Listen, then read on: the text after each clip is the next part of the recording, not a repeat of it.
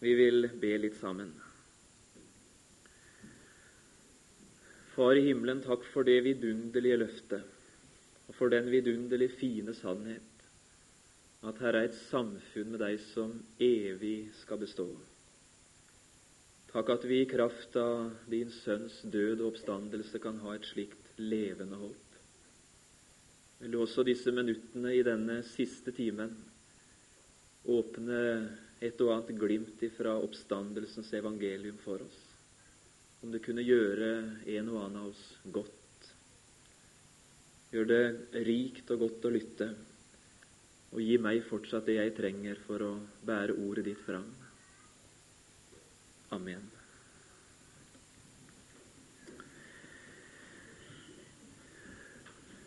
Vi har nå talt seks timer sammen om dette temaet Kristi oppstandelse og vår oppstandelse. Det har vi prøvd å gjøre på den måten at vi i den første delen talte litt sammen om Kristi oppstandelse, det faktum at Jesus lever, den kamp som nok står omkring denne sannheten, og så forsøkte vi å dra de personlige følgene av at Jesus er oppstanden. Og så har vi i den andre delen prøvd å tale litt om vår oppstandelse, da med vekten på den første oppstandelse, livets oppstandelse. Og Det vi nå enkelt skal gjøre denne siste timen, er å dra noen personlige følger eller konsekvenser av dette faktum Like som Kristus oppsto, så venter en oppstandelse også for det folk som hører Han til. Det har umåtelig fine følger for den enkelte av oss rent personlig. Det første jeg hadde lyst til å streke under da, som en følge eller en konsekvens av dette med den første oppstandelse, måtte være dette det venter oss ingen dommedag. Det venter oss en bryllupsdag. Det er jo ganske stor forskjell på de to ting. En dommedag og en bryllupsdag. Det er vel mulig at det ene kan oppleves som det andre. Jeg er ikke sikker på det, men jeg vil tro det er en viss forskjell. I Hebreerbrevet 9 og vers 28 så er det tale om at Kristus etter etter å ha vært ofret én gang for å bortta manges synder, annen gang åpenbarer seg uten synd til frelse for den som venter på Han. Og det å si at det er ingen dommedag, men en bryllupsdag, det er ikke ikke å avsvekke dommens alvor i Bibelen. La meg nå si det, for det høres kanskje hos noen litt lettvint ut å si dette at det er ikke dom, men det er bryllup. Jeg hadde lyst til å lese et ord som mange av dere er glad i, og gjerne ofte leser òg fra Johannes 5. Her ser vi noe om vårt forhold til dommen. For det er ikke slik at vi ikke har noe forhold til dommen. Johannes 5, 24, og det er sagt av Jesus selv. Sannelig, sannelig sier jeg dere, den som hører mitt ord og tror Han som har sendt meg, han har evig liv og kommer ikke til dom, men er gått over fra døden til livet. Skulle en veldig enkelt si hva her står, så står det en sann kristen i denne sammenheng går ikke til dom fordi han kommer fra dom. Jeg har stille lyst til å si, med hensyn på dine synder, med hensyn på alt det du har forsømt deg i forhold til og forbrutt deg i forhold til, så har du alt som heter dom, bak deg. Det er jo det som har gjort deg til et Guds barn. Gud felte for det første denne dom over sin sønn. Han dømte den uskyldig som om han var skyldig. Han behandlet Jesus som om det var meg han behandlet. Det var mine synder, det var min dom, det var min sak, og det var mitt liv det dreide seg om den dagen. Så fikk jeg høre Hans ord, som det sto her. Den som hører mitt ord. Og så hadde ordet denne, denne tillitsvekkende virkning. Den som hører mitt ord og tror Han som har sendt meg. Ordet avfødte selv en tillit, en tillit i synderens hjerte, som medførte det Bibelen kaller rettferdiggjørelse. Gud lar det offer og den frelse som er nedlagt i Jesus, gjeldende for alle mennesker. Nå lot han den komme meg personlig til gode.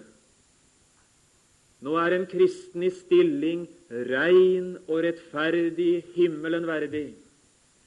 Og en kristen har sine synder ikke oppbevart, men utslettet.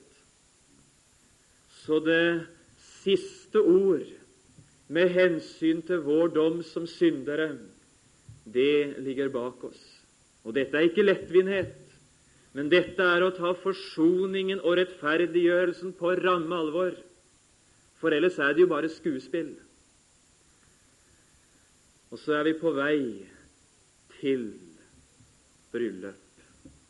Han har evig liv og kommer ikke til dom. Han er gått over fra døden til livet. Det er derfor åpenbaringsboka kapittel 19 skildrer dette vidunderlig fine som kalles for lammets bryllupsnadvær.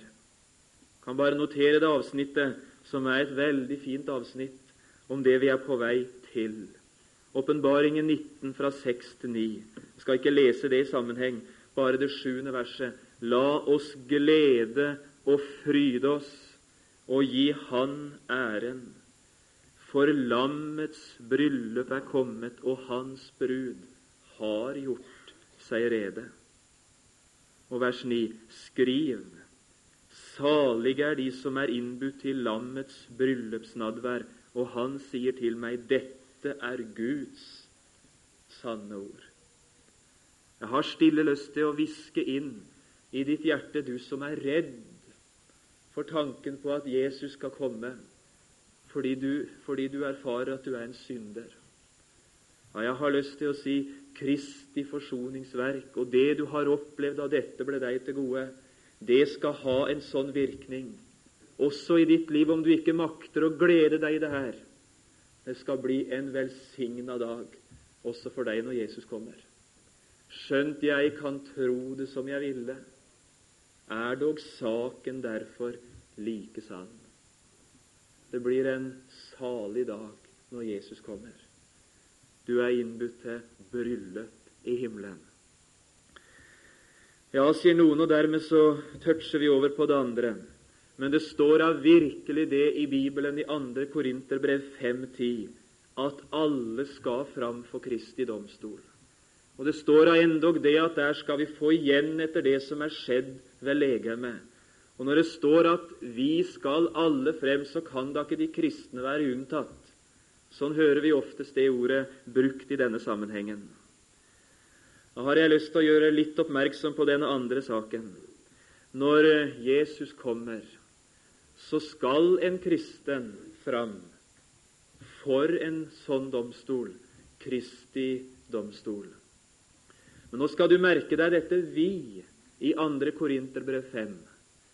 For det er ikke et vi omfattende alle slags mennesker. Her er det akkurat motsatt.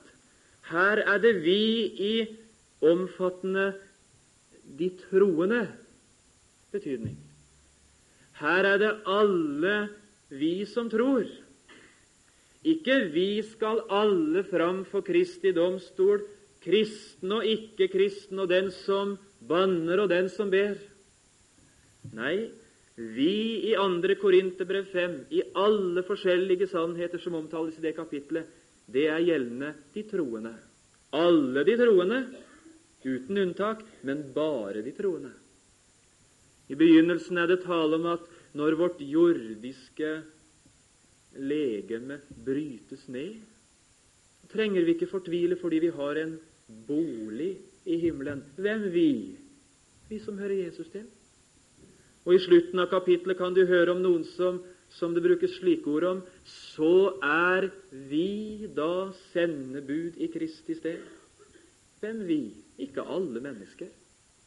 Men alle som hører Jesus til, har fått et slikt oppdrag. Og vi, vers 10 i 2. Korinterbrev 5, skal alle frem for Kristi domstol. Ja, vi skal det.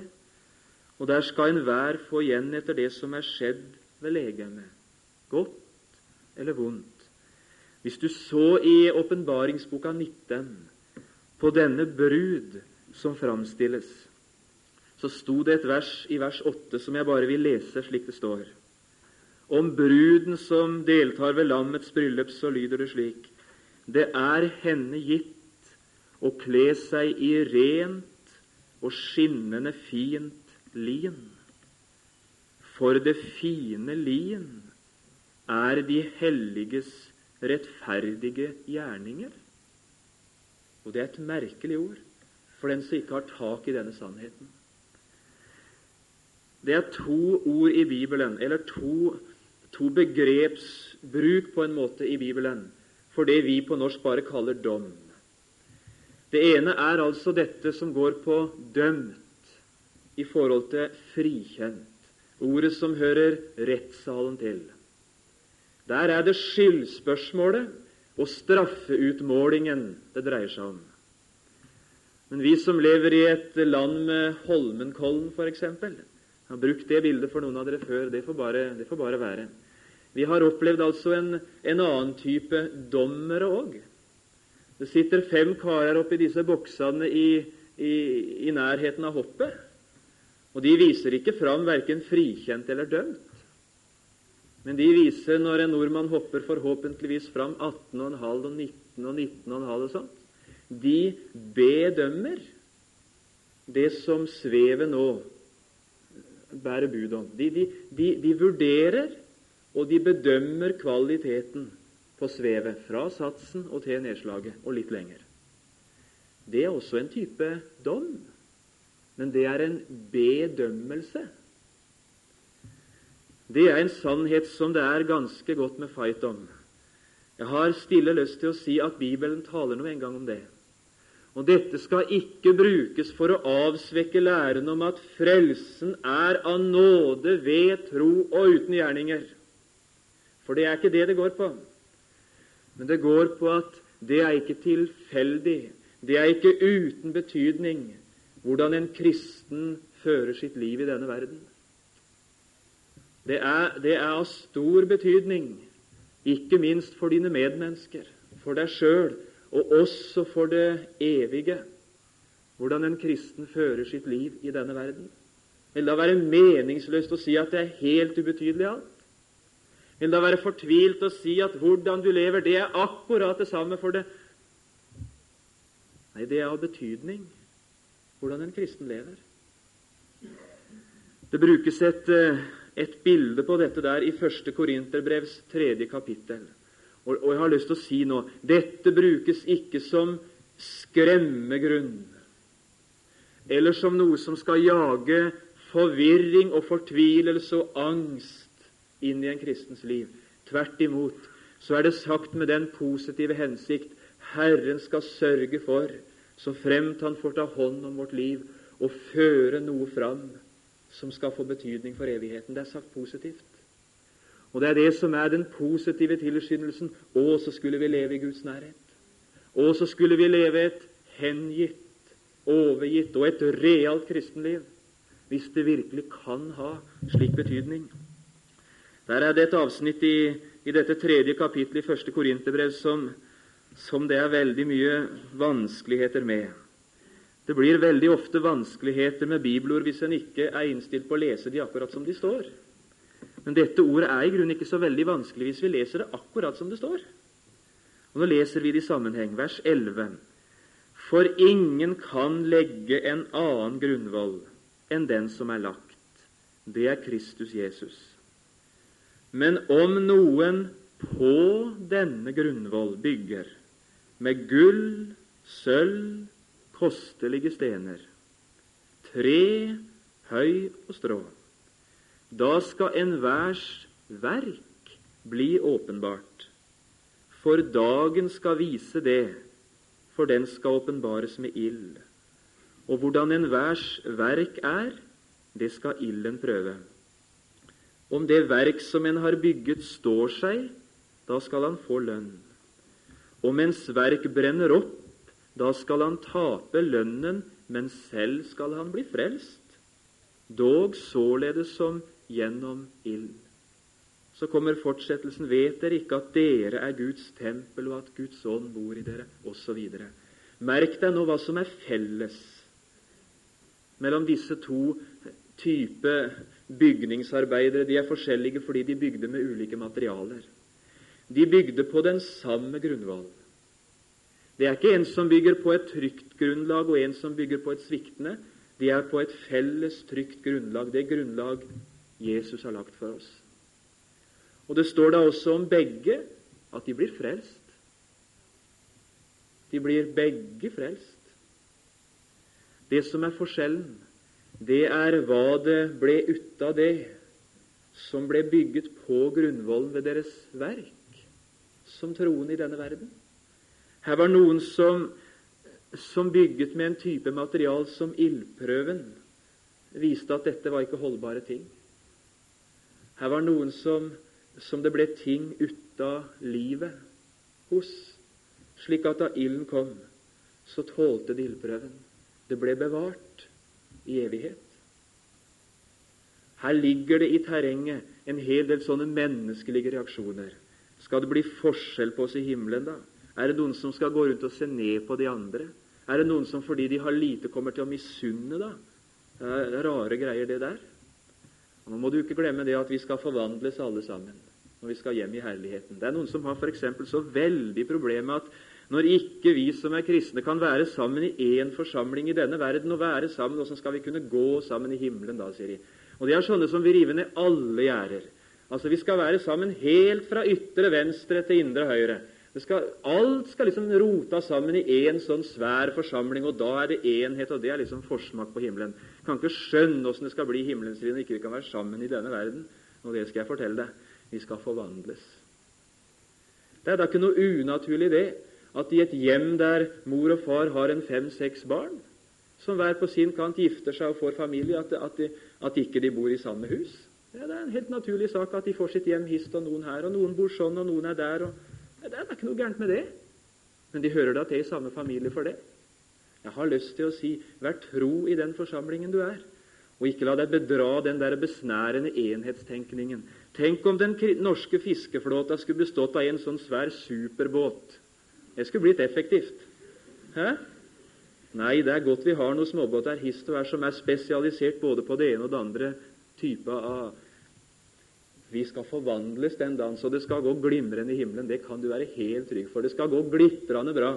Alle som har Guds ånd og troen på Jesus, de skal du gå sammen med så suverent at det skal ikke, det skal ikke mangle noen ting. Så får vi prøve å holde fred med hverandre i denne verden. Og det er rart med det at fred mellom naboer bevares som regel best der gjerdet får stå i fred. Hvis en eller annen prøver å rive ned gjerdet, da er det leilighet for uro. Og for ikke å snakke om hvis han prøver å flytte gjerdet. Hu a meg. Nei, la det stå helt i ro, og vær der du er satt. Ja, Det er, det er så enkelt og så praktisk.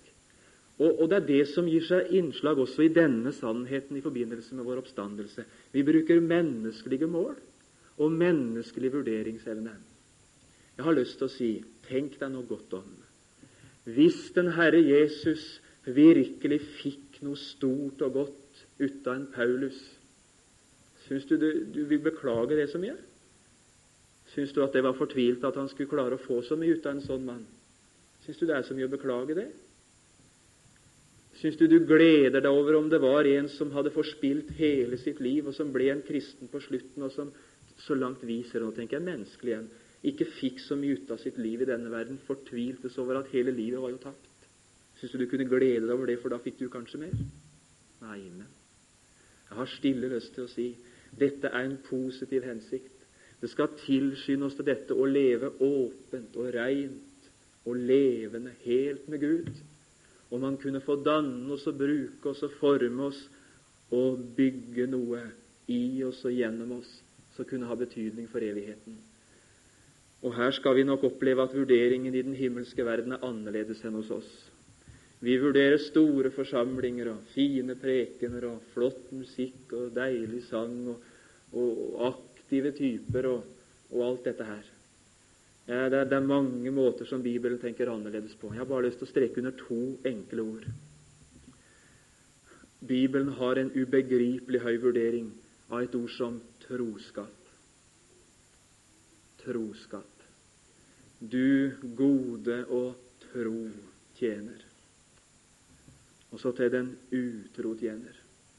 Du, her er noen i denne verden som er satt til det å være tro. Av og til menneskelig sett over umåtelig lite.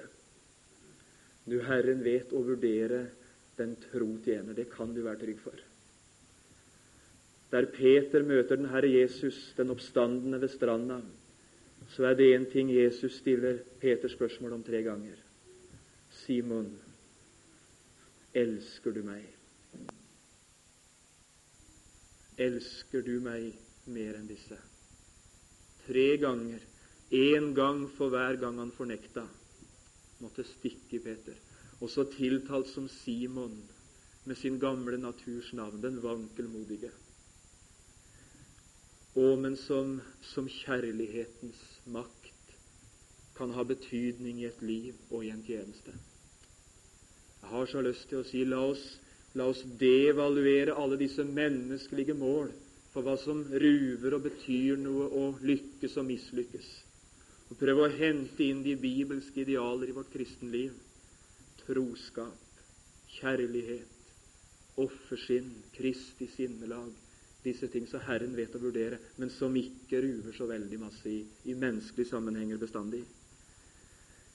Da skal enhver få sin lønn av Gud, står det i 1. Korinterbrev 4 og vers 15. Da skal, unnskyld, vers 5.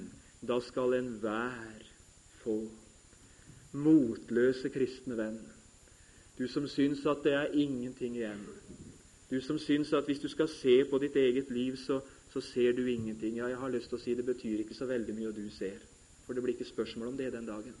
Lev nær Jesus, du. Så står det at enhver skal få sin lønn. Det blir noe også for deg. Det blir noe for alle den som levde med Jesus. Den sannheten kunne vi sagt mye om, men nå skal det bare være sagt omtrent på denne måten. Dette er bedømmelsen. Og Dette er ikke med hensyn på synderen, men det er hensyn på han som lever sitt liv med Jesus i denne verden. Det tredje som vi hadde lyst til å understreke som en personlig og fin følge av Kristi oppstandelse, det har vi toucha den første timen og vært bortpå seinere òg. Det er en legemlig oppstandelse vi har i vente. Jeg siterte altså en sangstrofe som hører til av alle ting en musikklagsang. Og jeg er redd for at surdeigen fra Korint, den i langt større grad enn vi er klar over, har satt preg på vår evighetstenkning. Nemlig den veldige skisma mellom, mellom kjød eller, eller, kropp og så sjel og ånd på den andre sida. Hvordan vi har en tendens til å, å fokusere kroppen og det materielle og dette synlige som der er det fælt og dårlig og forgjengelig. Og så glorifiserer vi en slags åndelig sjelelighet som er helt løst fra det materielle, som det ideelle. Hør på den sangstrofen som jeg siterte.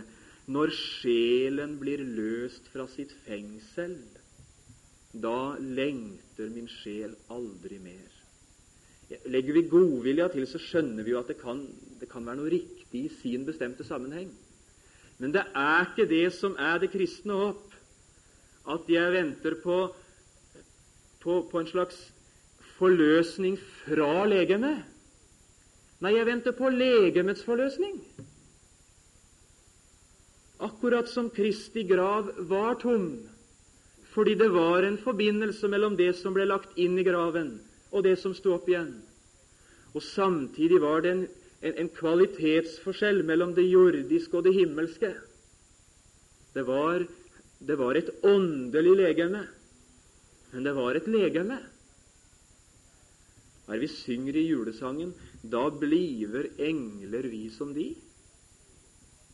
Det tror av ungene mine på. Vi fikk en, jeg skal ikke fortelle om det, vi fikk en samtale om det hjemme ved kjøkkenbordet en dag som endte altså i, i veldig mye munterhet.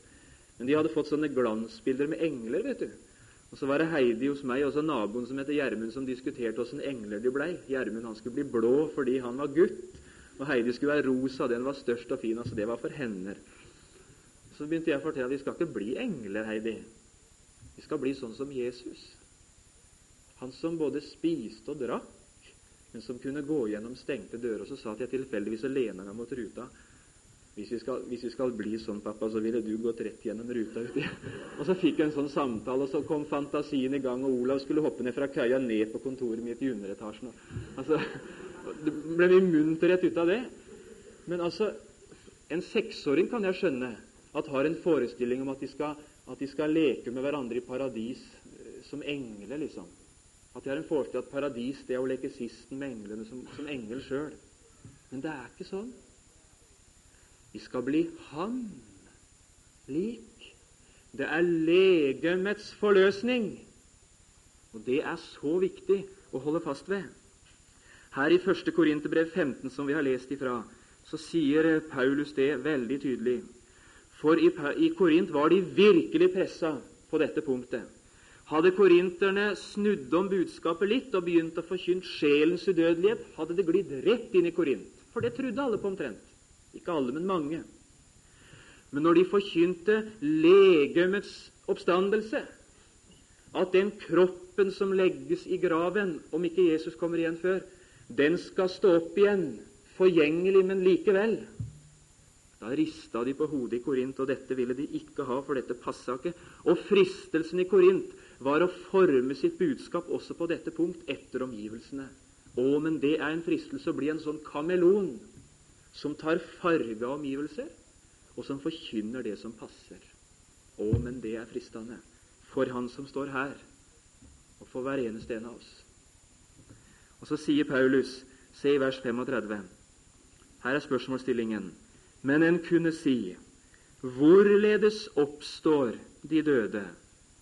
Og med hva slags legeme kommer de fram? Det er ikke spørsmål om de kommer fram med et legeme, men hva slags legeme kommer de fram med? Og så svarer han, eh, svarer han på det sjøl. Vers 40. Det er himmelske legemer, og det er jordiske legemer. Men én herlighet har de himmelske, og en annen de jordiske. Én glans har solen, og en annen månen, og en annen stjernene. For den ene stjerne skiller seg fra de andre i glans. Så er det òg med de dødes oppstandelse. Det sås i forgjengelighet. Det oppstår i uforgjengelighet. Det sås i vanære, det oppstår i herlighet. Det sås i skrøpelighet, det oppstår i kraft. Det sås et naturlig legeme, det oppstås et åndelig legeme. Så visst som det gis et naturlig legeme, gis det òg et åndelig legeme. Du som sår poteter om våren, du roter ikke opp igjen den gamle poteta om høsten. Du roter opp igjen noe, noe helt nytt og, og, fint.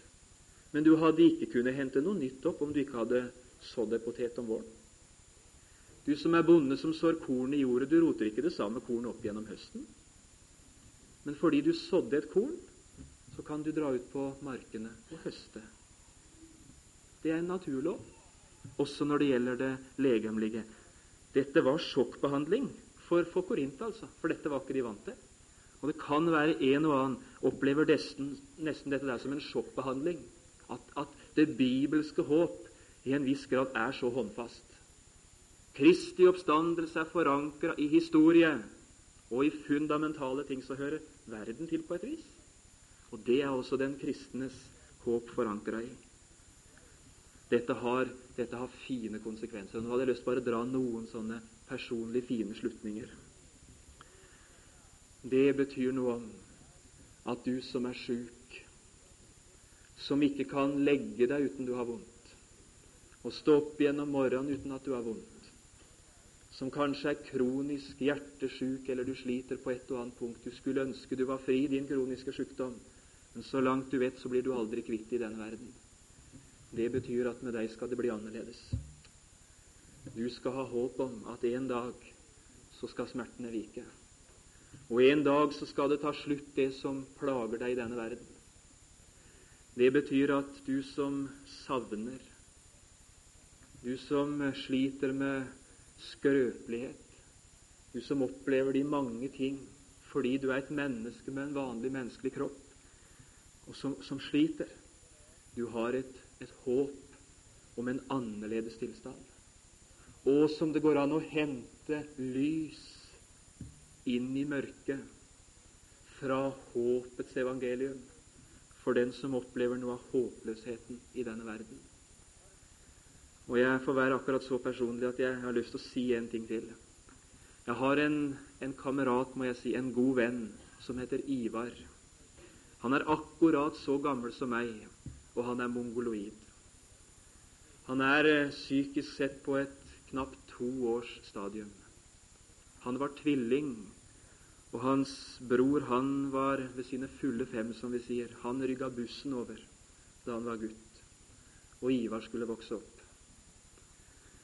Ivars største glede, det er å være på bedehuset i denne vesle bygda hvor far var ifra. Og det aller største for han, det er når far står på talerstolen og ber til Jesus. Da renner tårene på Ivar. Og når han får gå rundt og ta opp kollekten, så, så, så stråler han omtrent som jeg tror han kan stråle den dagen han er hjemme. En dag så skal Ivar forstå, kanskje forstandsmessig, litt mer av det med Jesus enn han nå er i stand til. En dag så skal Ivar bli lik Jesus.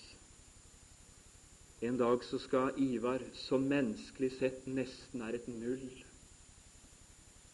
han skal bli Jesus lik.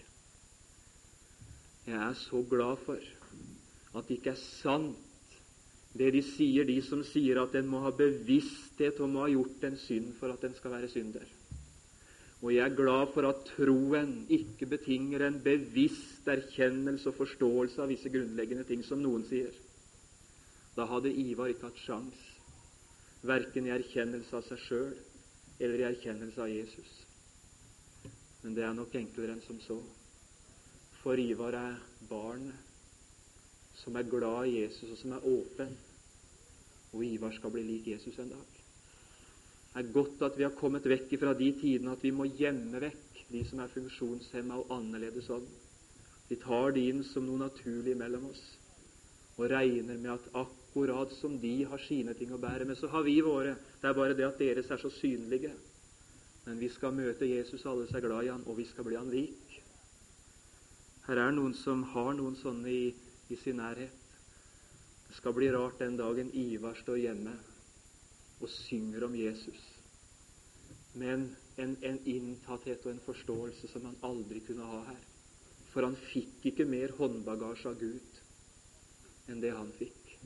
Og jeg forstår ikke hvorfor en, en bror skal rygges på en buss som kanskje kunne hatt alle muligheter, og Ivar skal vokse opp. Jeg, jeg forstår ikke sånt. Men han er i alle fall et vitnesbyrd for meg bedre enn de fleste om hva den som er glad i Jesus, hva den blir. Kanskje er Ivar en større oppmuntring for meg enn mange av de andre som jeg møter under vandringen, som kunne hatt enda flere ressurser. Jeg makter ikke å si noe mer om det, men det er en velsigna sak i det kristne håpet på dette punktet der. Og så sier Bibelen det er sammenheng mellom legemets forløsning og hele skaperverket. Det skal ikke jeg gå noe inn på, for det ville gått for langt. Men Romerbrev 8 fra vers 19 utover. Da Adam falt i synd, ser du, så trakk han med seg hele skapningen. Døden kom inn, forgjengeligheten, skapningen ble underlagt trelldom. Blomstene visner, en småfugl faller til jorda og dør. Det går et sukk gjennom verden. Du, den dagen håpets evangelium er ført igjennom, den dagen skal også skapningen frigjøres fra forgjengelighet. Og det skal bli en annen glans og en annen evig fullkommenhet også i det skapte. Jeg så nye himler og en ny jord. Og her skal være et rike, endog i denne verden, der vi skal smake fruktene av Han som brøt dødens lenker og knuste forgjengelighetens makt. Kristi oppstandelse for det fjerde, og nå var det bare litt i slutten. Det har et og annet å si oss om døden. Det er klart det ligger et spørsmål i leiet av det vi har sagt de siste par-tre timene, som vi må touche. Når en kristen dør, hvor er han hen da? Når vi sier at en kristen dør og legges i grav, og han skal oppstå sammen med de andre kristne når Jesus kommer igjen, hvor er han nå i mellomtiden hen? Når vi følger en av våre kjære til graven, hvor, hvor reiser de hen? Ja, Det sies så veldig mye om det som gjør at vi er forvirra og blir urolige og vet ikke riktig hva. De er hos Gud, de er i paradis, de er i Abrahams skjød, de sover, de er bevisstløse, de er i et slags mellomtilstand, de er i dødsriket, de en masse forskjellige ting. Og jeg har lyst til å si ved Kristi oppstandelse så skjedde det en gjennomgripende forandring med en del av dødsriket. Det skjedde altså en kolossal forandring med den delen av det som i Det gamle testamentet kalles dødsriket generelt, som hører livssida til. Det ble på en måte, og nå bruker jeg rent menneskelige ord, henta med seierherren inn i Herrens nærhet. Og Jeg har bare lyst til å lese to ord av Paulus som en trøst til deg som har, har grunna på, på, dette spørsmålet. Andre Korinterbrev, kapittel 5, og vers 6 og 7 og 8. Der drøfter Paulus to alternativ. Han taler om å være hjemme i legemet, altså være i kroppen sin her. Og Så taler han om den tid da han er flytta ut av legemet, altså dødsøyeblikket. Vers 6. Derfor er vi alltid frimodige. Han er kommet i kontakt med et budskap som har gitt han frimodighet med tanke på begge tilstander. Derfor er vi alltid frimodige og vet at så lenge vi er hjemme i legemet, er vi borte fra Herren. For vi vandrer i tro og ikke beskuelse. Vi er altså frimodige og vil heller være borte fra legemet. Ja, Paulus, hvis du flytter ut av legemet. Hvor reiser du hen da? Når du, når du er borte fra legemet, hvor drar du hen? Hvor befinner du deg da? Borte fra legemet og hjemme hos Herren. Å dø i troen på Jesus etter Kristi oppstandelse, det er å reise hjem i en foreløpig legemsløs tilstand i Herrens nærhet. De har aldri vært Jesus så nær som de er nå. Og Så begynner vi å spekulere igjen. Ja, er de hos Jesus legemlig, og så ligger legemet i graven, og så skal de oppstå fra graven når Jesus kommer igjen? Og så begynner vi med tid og rom og alt dette her. Evighet sprenger tid og rom. Så her stopper min lille tanke på, på, på hvordan alt henger sammen. Men de er hjemme hos Herren. Og det andre ordet, det er Filippe brev 1. For meg er livet Kristus og døden en vinning. Og så kommer Paulus i et kraftig dilemma når han tenker på Kristus liv og samfunn med Jesus når det gjelder eh, tilstanden etter døden vers 22. Men dersom det å leve i kjødet, altså leve som menneske, gir meg frukt av min gjerning, så vet jeg ikke hva jeg skal velge. Men jeg står rådvillig, jeg er i et dilemma. Jeg slites to retninger mellom de to ting i det jeg har lyst å fare herfra. Har du lyst til å reise, Paulus? Er du livstrøtt? Nei. Er du ferdig med, med, med alt du kan få gjort i denne verden? Å nei. Men, men, det er noe av det jeg skal reise til, som har en sånn tiltrekningskraft at ser jeg bare på det, så har jeg lyst til på egne vegne å reise. Her brukes det et uttrykk i grunnteksta som, som knytter forbindelsen to retninger. Bryte opp og fare herfra. Det brukte de om da de reiv opp teltpluggene, gjorde oppbrudd og dro. Det brukte de når de lette ankeret og la fra land eller dro fra havn ut på reise. Jeg har lyst til å bryte opp, fare herfra. Ja, hvor reiser du hen, Paulus? Jeg har lyst til å fare herfra og være med Kristus.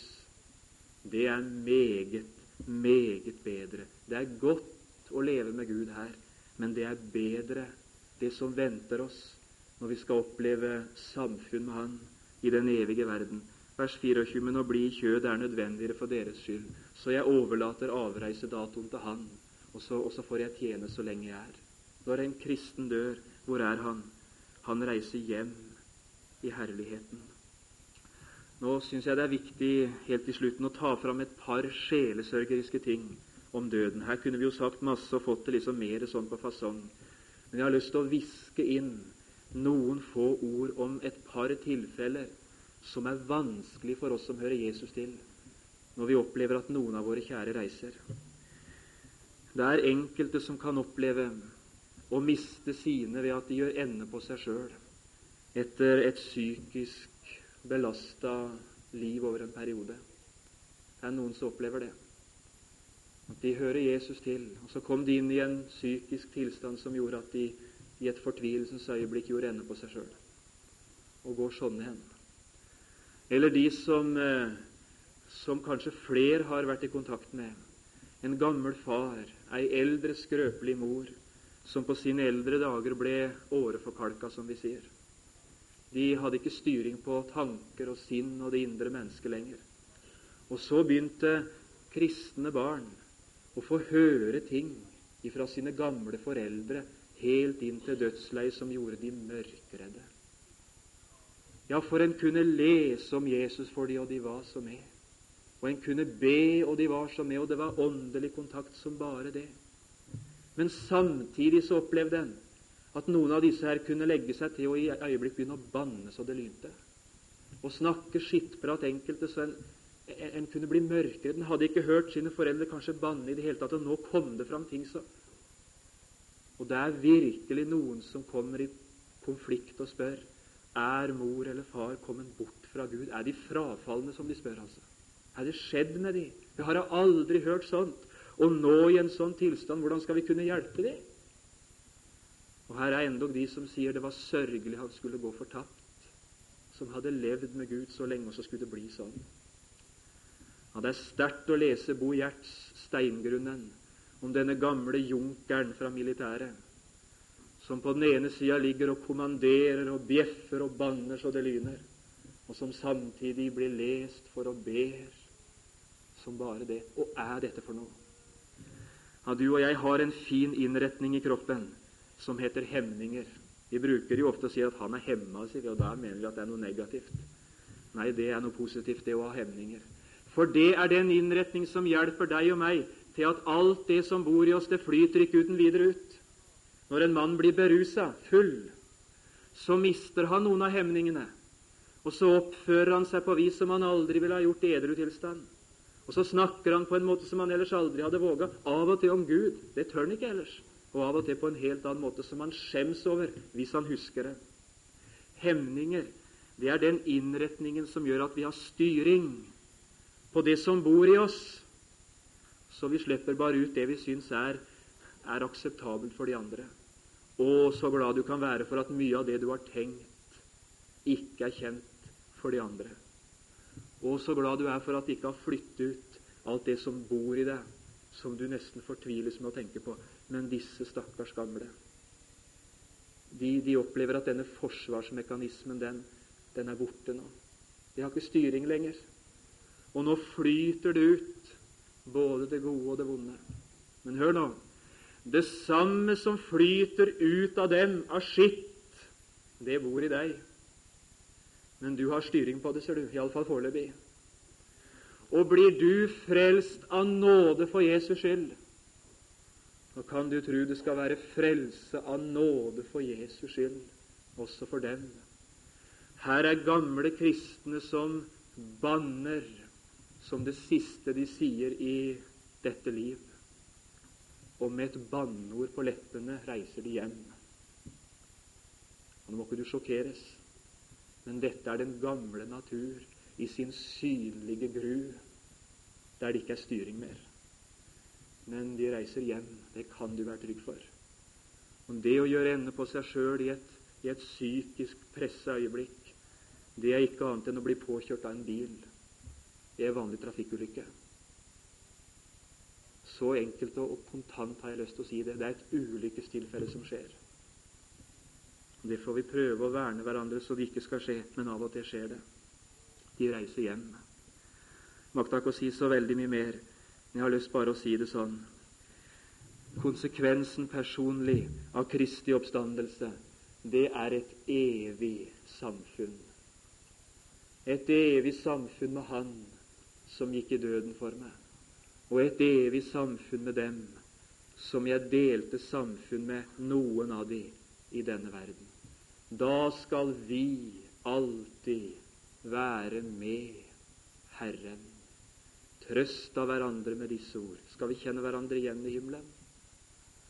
Ja, jeg tror, men jeg bare tror, for jeg kan ikke si så mye. De kjente da vitterlig Jesus igjen etter oppstandelsen. Og han knyttet bånd med de samme mennesker som han hadde knyttet bånd i forhold til da han var her. Vi skal kjenne fullt ut like som vi fullt ut er kjent. Jeg tror vi kjenner hverandre igjen, men jeg bare tror. Ja, sier noen, da må vi savne noen òg. Da kan det ikke bli glede for meg i himmelen hvis jeg skulle savne noen av mine. Ja, Det kan jeg ikke si på annen måte. Det er ingen som har mistet så mange som Gud. Å, men han hadde grunn til å savne mange i herligheten. Men kan herligheten bli herlighet for han,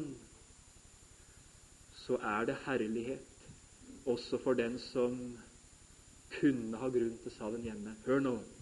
La, ditt, la din fortvilelse med tanke på savn komme de til gode i denne verden ved å prøve å vinne de her. Og så skal herligheten ved guddommelig inngrep bli herlighet også for deg. Nå vil jeg slutte sånn, og det skal være en litt rar avslutning. Hvordan blir det i den evige verden? Ja, Vi synger i en sang omtrent sånn Når vi er over, skal striden bli til fred, og mine drømmer bli virkelighet. Ja, det er jo mulig. Det kryper en liten larve på et kålblad.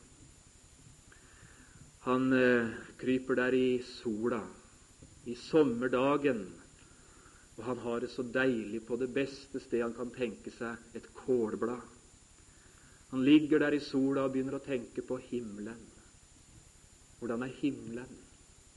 Hvordan skal det bli å komme til himmelen? Og det må være en kjempeåker full av kålblad. De må være kålblad grønne og friske under en blå, åpen himmel så langt øyet kan rekke. Når vi er over, da skal mine drømmer bli virkelighet. Så kommer en dag da larva begynner å veve seg inn i det vi kaller en puppe. I et hardt, kaldt, tilsynelatende livløst hylster. Og etter ei tid så så skjer det noe rart. Så, så brister hylsteret. Og så flyr sommerfuglen ut. Opp under himmelen, i en helt ny verden, akter ikke et kålblad. Det nye livet. Jo, jeg kan ligge som kålblad, eller som larva på kålblad, og gjøre meg drømmer om, om, om det endeløse hav av grønne, deilige blad. Sånn må det være. Du, en dag skal sommerfuglen fly, og så skal jeg forstå Å, så lite som jeg forsto, men å, så vidunderlig herlig det er. Og for et håp. Og for en virkelighet. Far i himmelen. Vi ender opp med at våre tanker de er så begrensa når det gjelder det levende håp. Takk for de glimt vi kan gripe i denne verden. Og takk for det håp som sier at når vi er over, så skal det bli av en helt annen kvalitet enn vi hadde evne til å forstå her. Takk for forsmaken. Takk for den himmelske virkelighet. Jeg vil vi gjerne stille be deg, Jesus. Takk for de av alle våre som har fått reise. Gi oss nåde til å gi akt på utgangen av deres ferd, og så etterfølge deres tro. La håpet være en drivkraft i våre liv mens vi er her. Amen.